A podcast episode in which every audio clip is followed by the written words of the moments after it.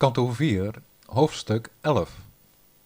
Swayambhuva Manu raadt Dhruva Maharaj aan met vechten te stoppen. Maitreya zei, nadat hij de woorden van de wijzen had gehoord, beroerde Dhruva water en legde hij een pijl, die door Narayana was gemaakt, op zijn boog. Zo gauw hij dit wapen van Narayana op zijn boog had aangelegd, werden snel de illusies die waren geschapen door de yaksha's verdreven, o Vidura, precies zoals woede en pijn worden verdreven door het rijpen van geestelijke kennis.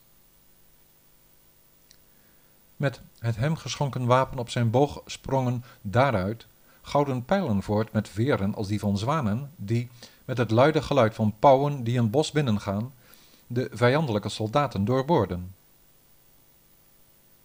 Over die scherpgepunte pijlen van alle kanten op het slagveld wonden de yakshas zich verschrikkelijk op, zodat ze zich met opgeheven wapens woedend in zijn richting spoeden, zoals slangen met uitstaande halzen dat doen, uitvallend tegen Garuda.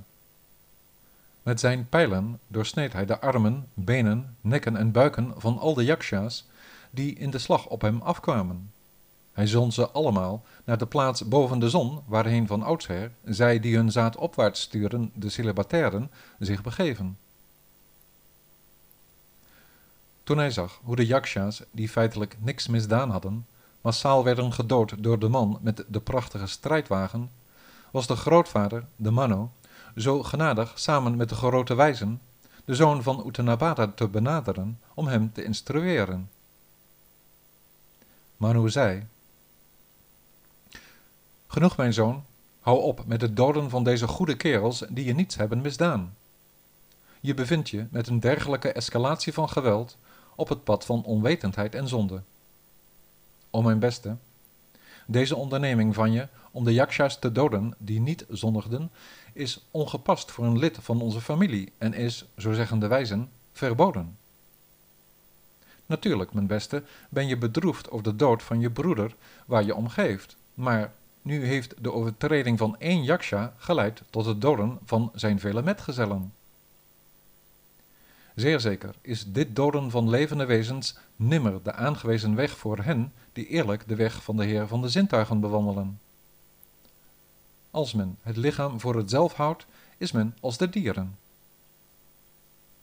Door te mediteren op de superziel, die aanwezig is in alle levende wezens, heb je de verblijfplaats bereikt van Heer Hari, die zo moeilijk gunstig te stemmen is.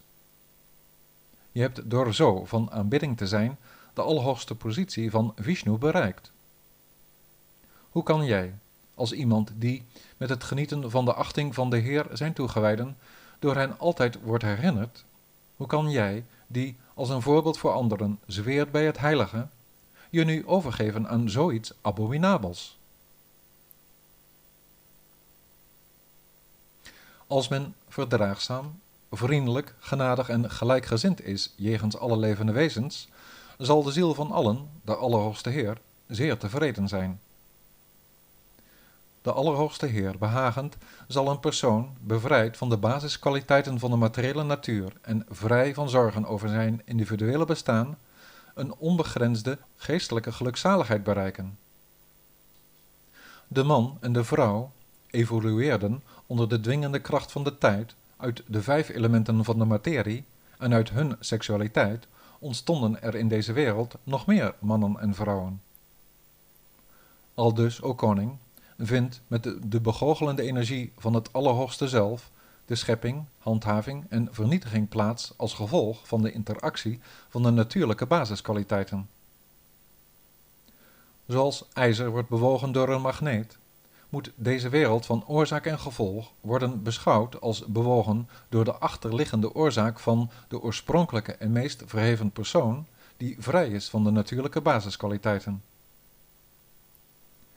Onder de invloed van het zonder twijfel moeilijk te doorgronden vermogen van de Almachtige in de vorm van de kracht van de tijd, resulteerde de interactie of verstoring van het evenwicht van de geaardheden van de natuur in deze verscheidenheid aan energieën. Op deze verscheidenheid oefent de Allerhoogste Persoonlijkheid zijn invloed uit, ook al is hij niet degene die handelt, en in die verscheidenheid voert hij tot de dood, hoewel hij niet degene is die doodt. Hij die geen einde kent, maakt in de vorm van de tijd aan alles een eind. Hij die geen begin kent, vormt van alles het begin. Hij die onuitputtelijk is, roept het ene levende wezen in het leven via het andere, en hij als de dood maakt een einde aan alles wat doodt. Als de dood ieders leven binnendringend, is niemand zijn bondgenoot of vijand. Al de combinaties van elementen, organisch en anorganisch, volgen hulpeloos zijn bewegen als stofdeeltjes voortgedreven door de wind. Vrij van een korte of een lange levensduur, zoals die geldt voor wezens die geboren worden, bevindt de Almachtige zich immer in zijn bovenzinnelijke positie en kent hij de begeertigen de resultaten van hun handelen toe. Sommigen, o koning, verklaren dit karma, de werklast van vruchtdragende handelingen, als zijnde het gevolg van iemands eigen aard, of als teweeggebracht door anderen, o beschermer van de mensen. Sommigen zeggen dat het aan de tijd te wijten is, anderen verwijzen naar het lot, terwijl nog weer anderen het toeschrijven aan de begeerte van het levend wezen. Wie, mijn beste kerel, kan nu ooit de bedoelingen doorgronden van hem die onze oorsprong is, hij van de bovenzinnelijkheid die vanuit de niet-manifeste werkelijkheid aanleiding geeft tot de verschillende energieën en natuurkrachten. Op dezelfde manier, mijn zoon, zijn al deze volgelingen van Kuvera, de hemelse schatbewaarder, niet de moordenaars van je broer. Alleen God is de oorzaak van geboorte en dood van een levend wezen, mijn beste. Hij schept het universum en handhaaft en vernietigt het ook. Daarenboven raakt hij niet verstrikt door de werking van de natuurlijke geaardheden, want hij, vrij als hij is van vals ego, identificeert zich niet met een materieel lichaam. Deze superziel, de beheerser en handhaver van alle vormen van leven, brengt voort, koestert en verslindt, gebruikmakend van de kracht van zijn eigen uitwendige energie. Aan hem, mijn beste zoon, de Allerhoogste van de dood en onsterfelijkheid, die in alle opzichten het uiteindelijke doel van overgave vormt voor de gehele wereld, dragen alle toegewijden en belangrijke persoonlijkheden van de schepping hun offergaven op, beheerst als ze zijn door hem, zoals stieren worden beheerst met een touw door hun neus.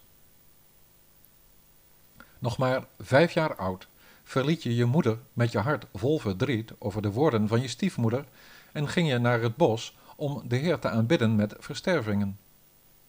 Aldus bereikte je de hoogste positie in al de drie werelden.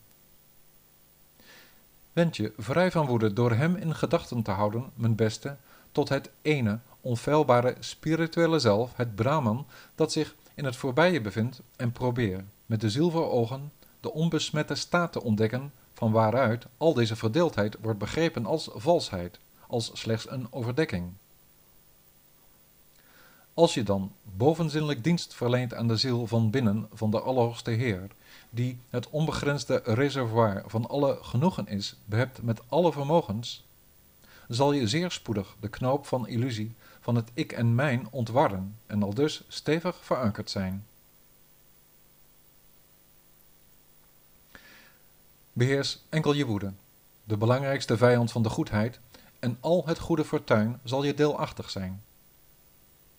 Door consequent vast te houden aan deze les, beste koning, zal die richtlijn werken als een medicinale behandeling voor een ziekte. Een intelligent iemand, die zijn ziel vrij van angst wil zien, moet zich nimmer door woede laten leiden, want iedereen is beducht voor degene die door woede wordt beheerst. Door woedend de yakshas te doden van wie je dacht dat ze je broer hadden gedood, heb je Kuvera de broeder van Shiva geminacht. Ga en beweeg hem onmiddellijk tot vrede, mijn zoon. Breng hem in vriendelijke bewoordingen respectvol je eerbetuigingen, voordat de wraak van de grote zielen onze familie verslaat. Nadat Manu Swayambhuva zijn kleinzoon al dus had geïnstrueerd, ontving hij van hem zijn eerbetuigingen en vertrok hij samen met de wijzen naar zijn verblijfplaats